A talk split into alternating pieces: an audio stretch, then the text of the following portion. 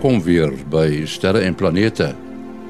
Ons het vanaand vir Willie Koorts en vir Kobus Olkers aan die woord en ook vir Lafra Smit wat vir ons gaan vertel wat daar in Januarie in die ruimte te sien is. Maar voor dit eers ruimte nuus wat vir ons geskryf word deur Herman Torin in Bloemfontein. Op die 2 Januarie vanjaar het die aarde sy sogenaamde perihelium in sy jaarlikse reis om die son bereik of anders gestel sy naaste punt aan die son 147 miljoen kilometer van die aarde af.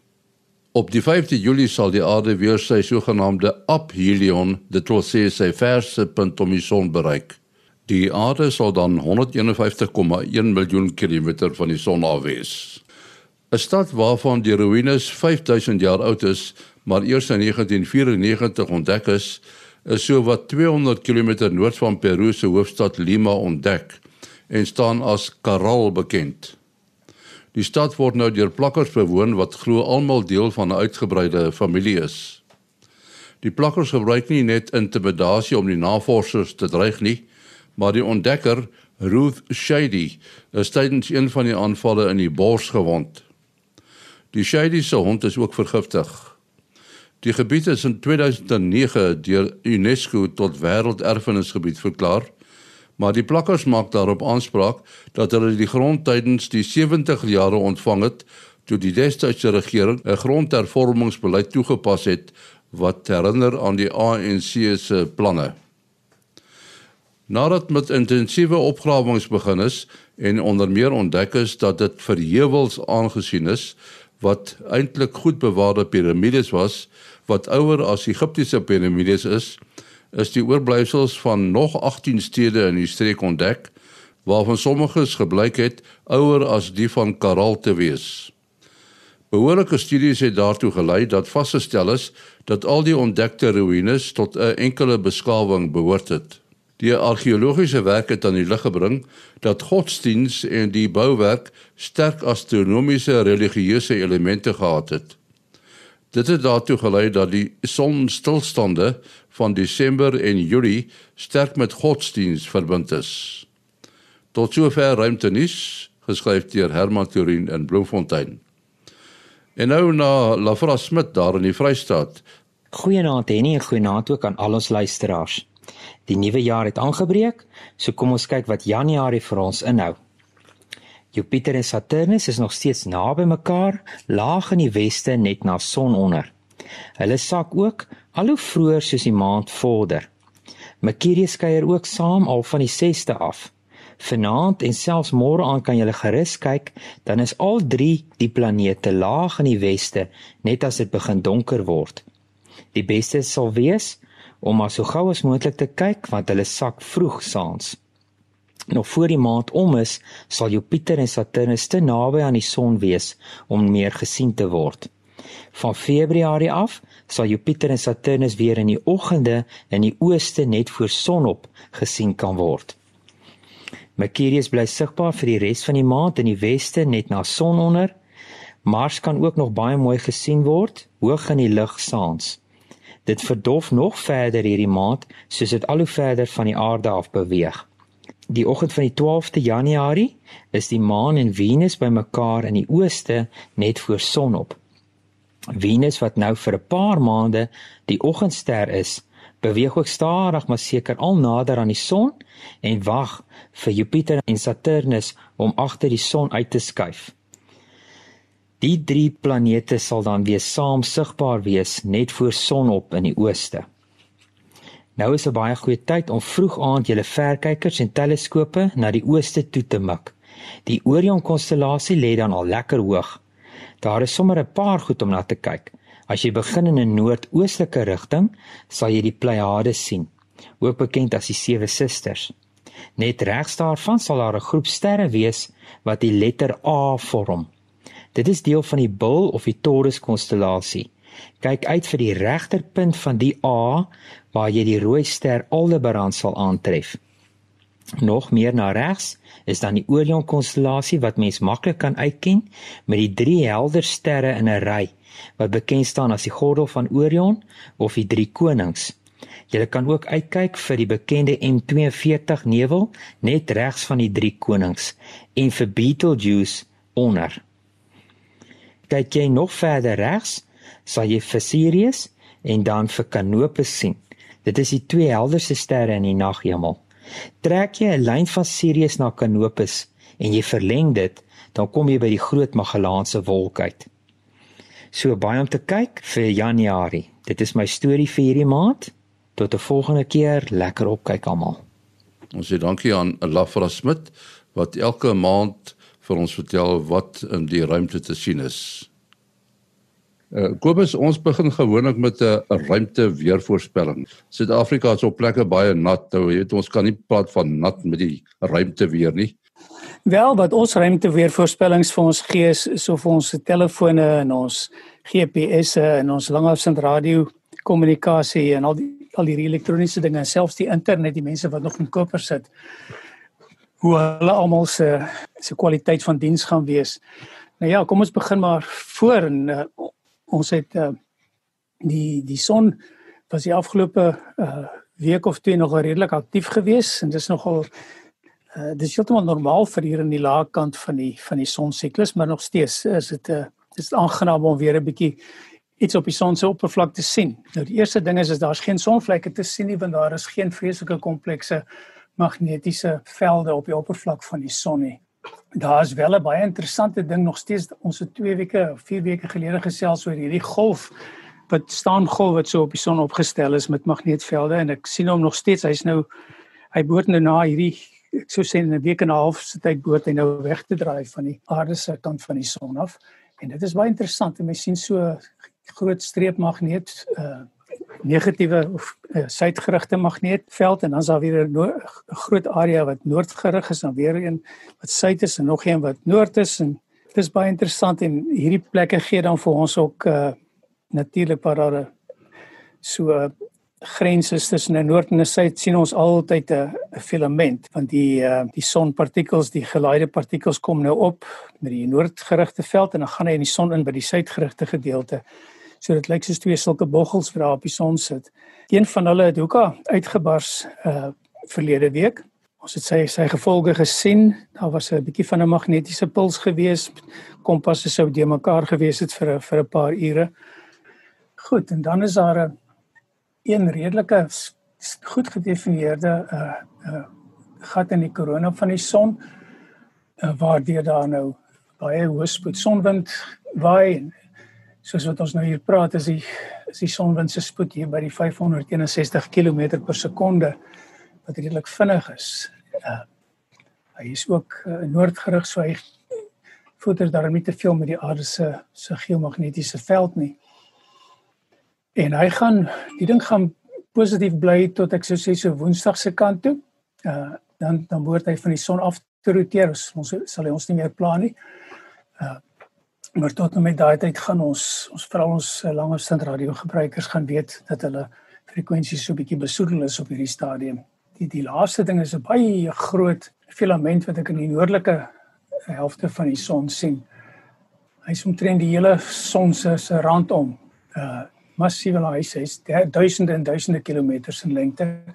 Maar hy lyk baie stabiel. Hy's net pragtig om na te kyk en dit is ons uh, ruimteweer storie vir die week. Ja, dankie Kobus. Uh wil jy ons kyk 'n bietjie na die briewe wat ons gekry het. Hier is eene van uh Amelia.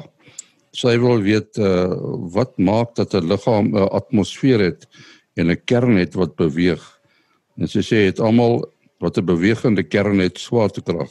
Uh as ons miskien kan begin by swaartekrag en sy vra van 'n kern wat beweeg uh hierso het sy so bietjie bietjie 'n gekruiste lyn want ehm um, swaartekrag word maar net bepaal deur die hoeveelheid massa wat 'n liggaam het. Hoe groter die massa en hoe digter hy is, hoe meer hy weeg in die ou taal, hoe hoe meer swaartekrag gaan hy hê. En 'n kern wat beweeg uh, gee dan vir jou 'n magneetveld. Die atmosfeer is 'n interessante ding en en en uh, Amelia het dit eintlik reg ge geraai of of uh um of hoe dit ook al sy swaartekrag en atmosfeer gaan hand aan hand. So hoe groter 'n liggaam, hoe hoe groter is sy kans om 'n atmosfeer te hê en om sy atmosfeer te bou. So jy kry dat jou ou groot as jy nou in ons eie sonnestelsel kyk, jou groot gasreuse, Jupiter, Saturnus, Uranus, Neptunus, hulle atmosfere uh, uh is maar uh, meer die die uh, die stowwe waar dit bestaan, uh, meestal waterstof, 'n klein bietjie helium. Daar het eintlik uh, uh niks soort van bygekom nie as jy dit soort van hulle net hulle atmosfeer behou as gevolg van van hulle hulle uh, van hulle swaartekrag. Nie nader aan die son uh kry jy dat byvoorbeeld die aarde self se atmosfeer het het deur die eeue verander en uh, ons kan dit op verskillende maniere bepaal maar hoe dit ook al ook al sê op op kleiner planete kry jy 'n uh, sogenaamde uitgassing of outgassing praat ons in Engels van. En uh, is iets wat ons in die vakuum wêreld nogal uh, uh, maklik verstaan. Sodra as wat jy 'n vakuum trek uh, uh, uh sê nou maar jy het 'n tipe gom aangemaak dan dan kom 'n molekules uit hierdie gom uit uh, uh of selfs metale kan kan molekules vrystel.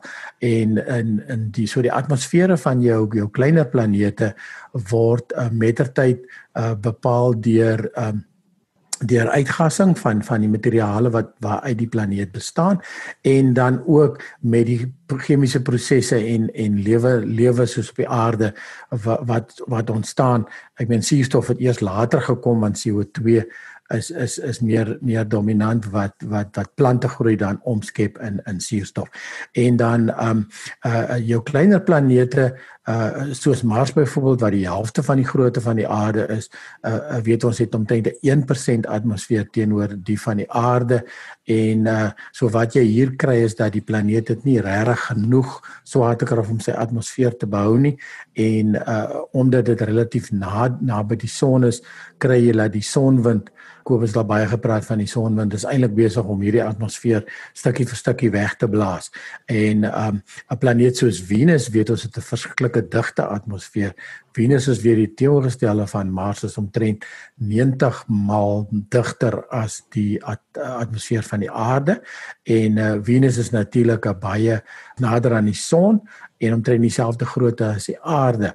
So Venus het ongelooflike uh, uh gasse wat in sy atmosfeer uh dan afkook en dan uh, baie van die van die planete se maane uh wat kleiner is as die aarde en kleiner as Mars het het ook atmosfere en dit is gewoonlik as gevolg van vulkaniese aktiwiteit en so so die atmosfeer word eintlik die heeltyd aangevul uh deur hierdie gasse wat uit die uit die uit die maan self ontstaan. So dit is so 'n rowwe voorvlug oor oor atmosfere en en planete en maane.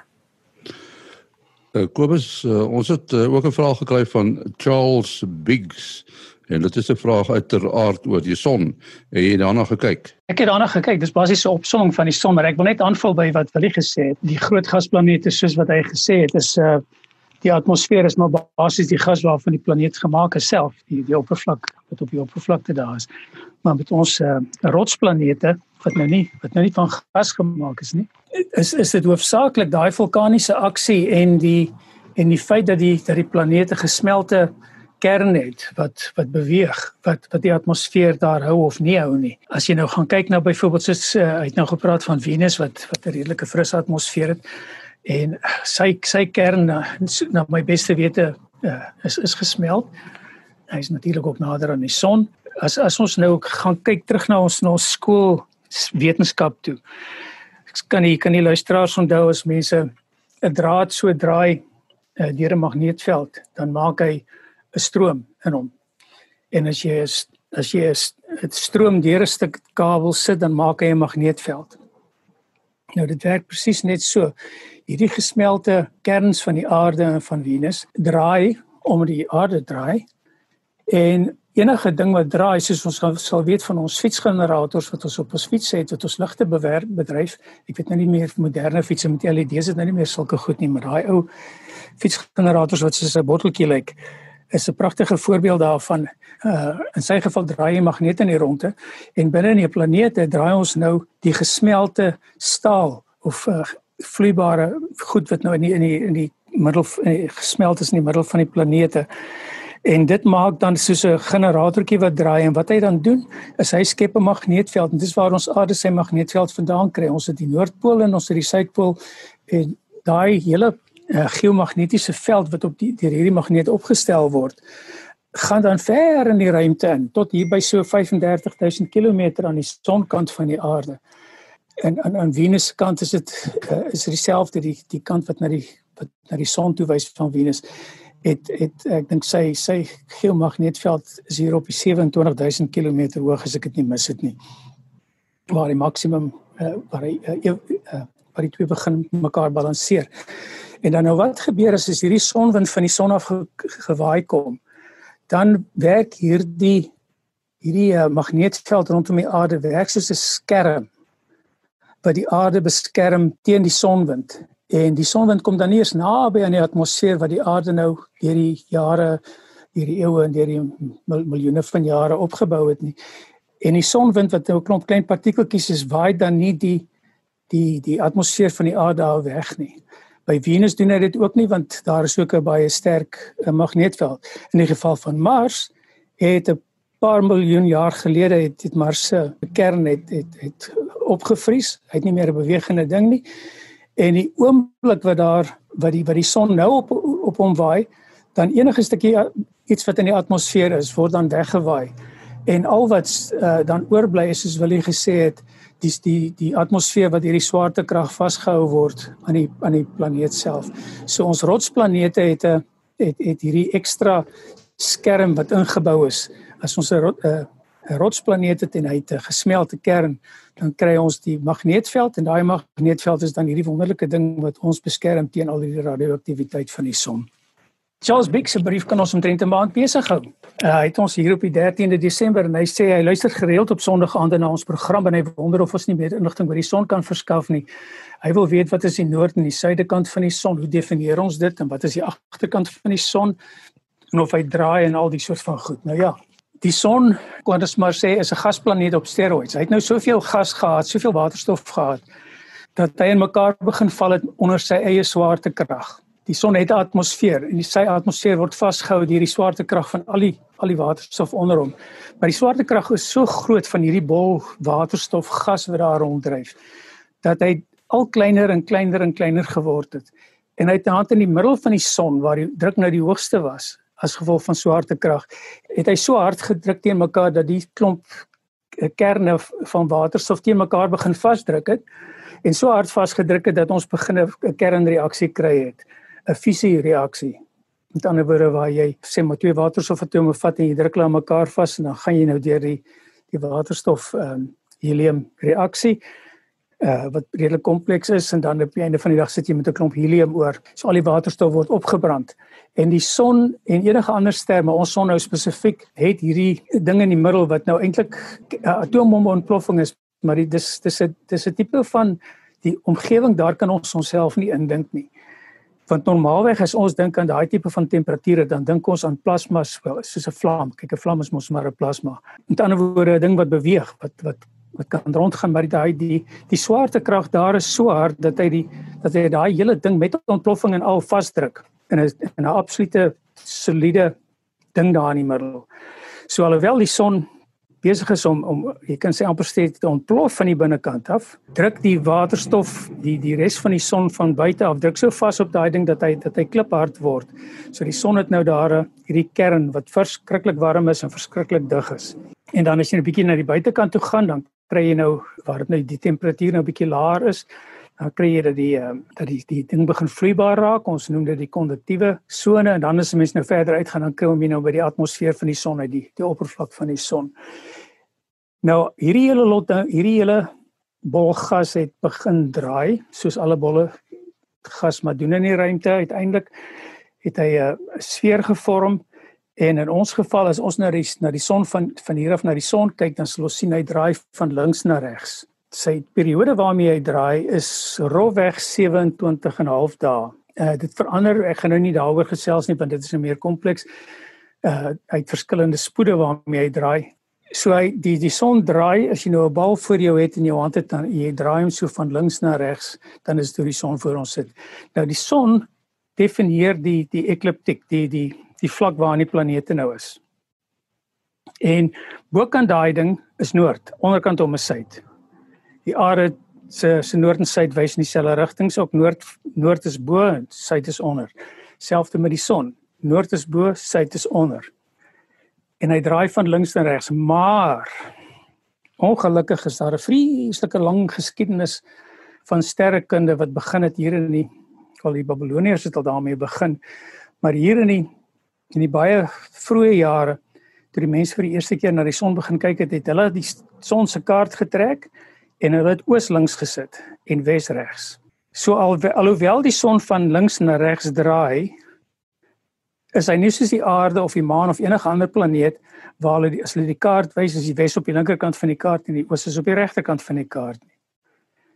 In die geval van die son is daai die wes en oos omgedraai en dit is suiwere besluit wat geneem is deur baie deur die vroeë sterrekundiges en niemand het nog die eh, die moed gehad om dit te verander nie. So tot vandag toe is die son se ooste se ooste kant wat eintlik die weste kant moes gewees het aan die linkerkant van die kaart en die uh, van die son se kaart.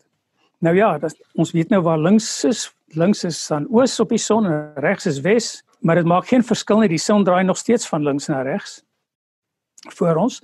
En aan die agterkant van die son is dan natuurlik die die die kant wat wegwaai van ons af en hy kom weer terug na ons toe. Ek sien Charles het gesê dat die die maan roteer en die, en die son roteer met twee rotasies is eintlik effens verskillend van die maan wys eintlik heeltyd sy selfde kant na ons toe. So hy draai hy roteer met 'n middelpunt van die aarde kan jy met die met die middelpunt van die rotasie wat eintlik in die oppervlak binne die volume van die aarde is.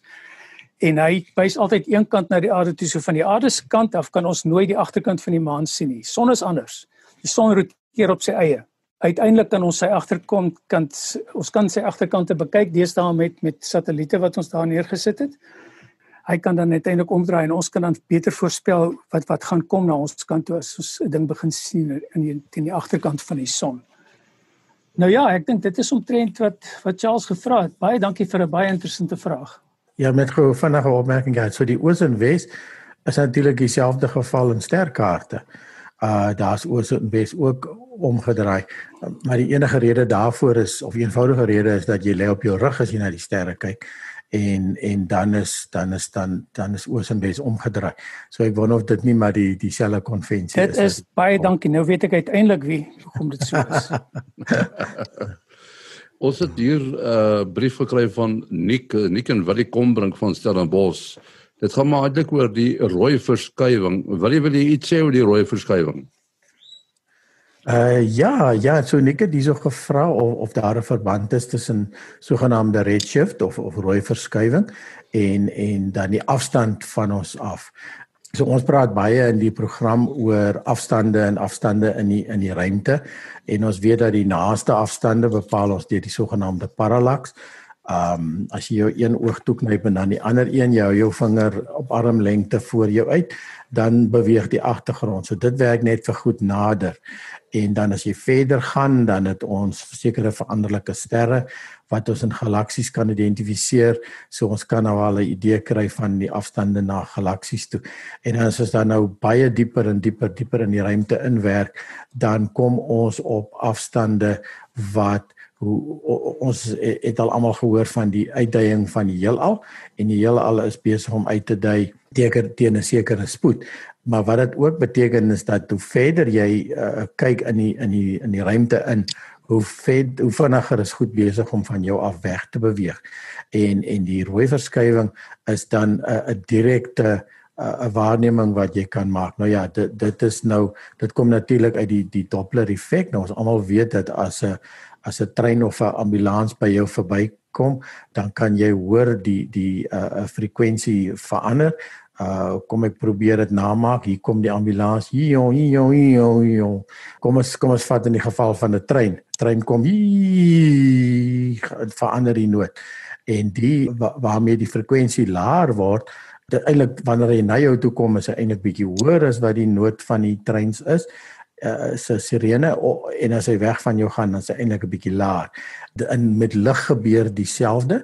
Ehm um, maar met lig is die verskywing in in kleur uh so iets as iets na jou toe kom, uh dan is is die lig effens na die blou kant toe verskuif en as iets weg van jou af beweeg as dit na die rooi kant toe. So uh, uh, uh, uh so kosmoloë uh, as hulle praat van 'n afstand van 'n galaksie, dan noem hulle net die rooi verskywing en almal weet dat daai ding lê op 'n sekere afstand van jou af. So op daai op daai afstande is die werklike afstande natuurlik baie meer onbekend en en dan is rooi verskywing dan omtrent die die, die beste liniaal wat jy kan gebruik om om afstande op uh kosmologiese afstande te te meet of uit te druk. Nou ja, soos jy hoor, ons het nog baie moeite te praat, maar ongelukkig sê Vader tyd ons moet nou haltroep. Uh, Kobus jou besonderhede. Dis Kobus Olkers by gmail.com K O B U S Olkers O L C K E R S by gmail.com. En dan joune wat jy? Ja, mense kan bel SMS of WhatsApp 072 4579208. 0724579208. En dan die program se e-posadres is sterreplanete@gmail.com gmail.com. Sterreplanete by gmail.com. Volgende week gesels ons weer. Tot dan, alles van die beste.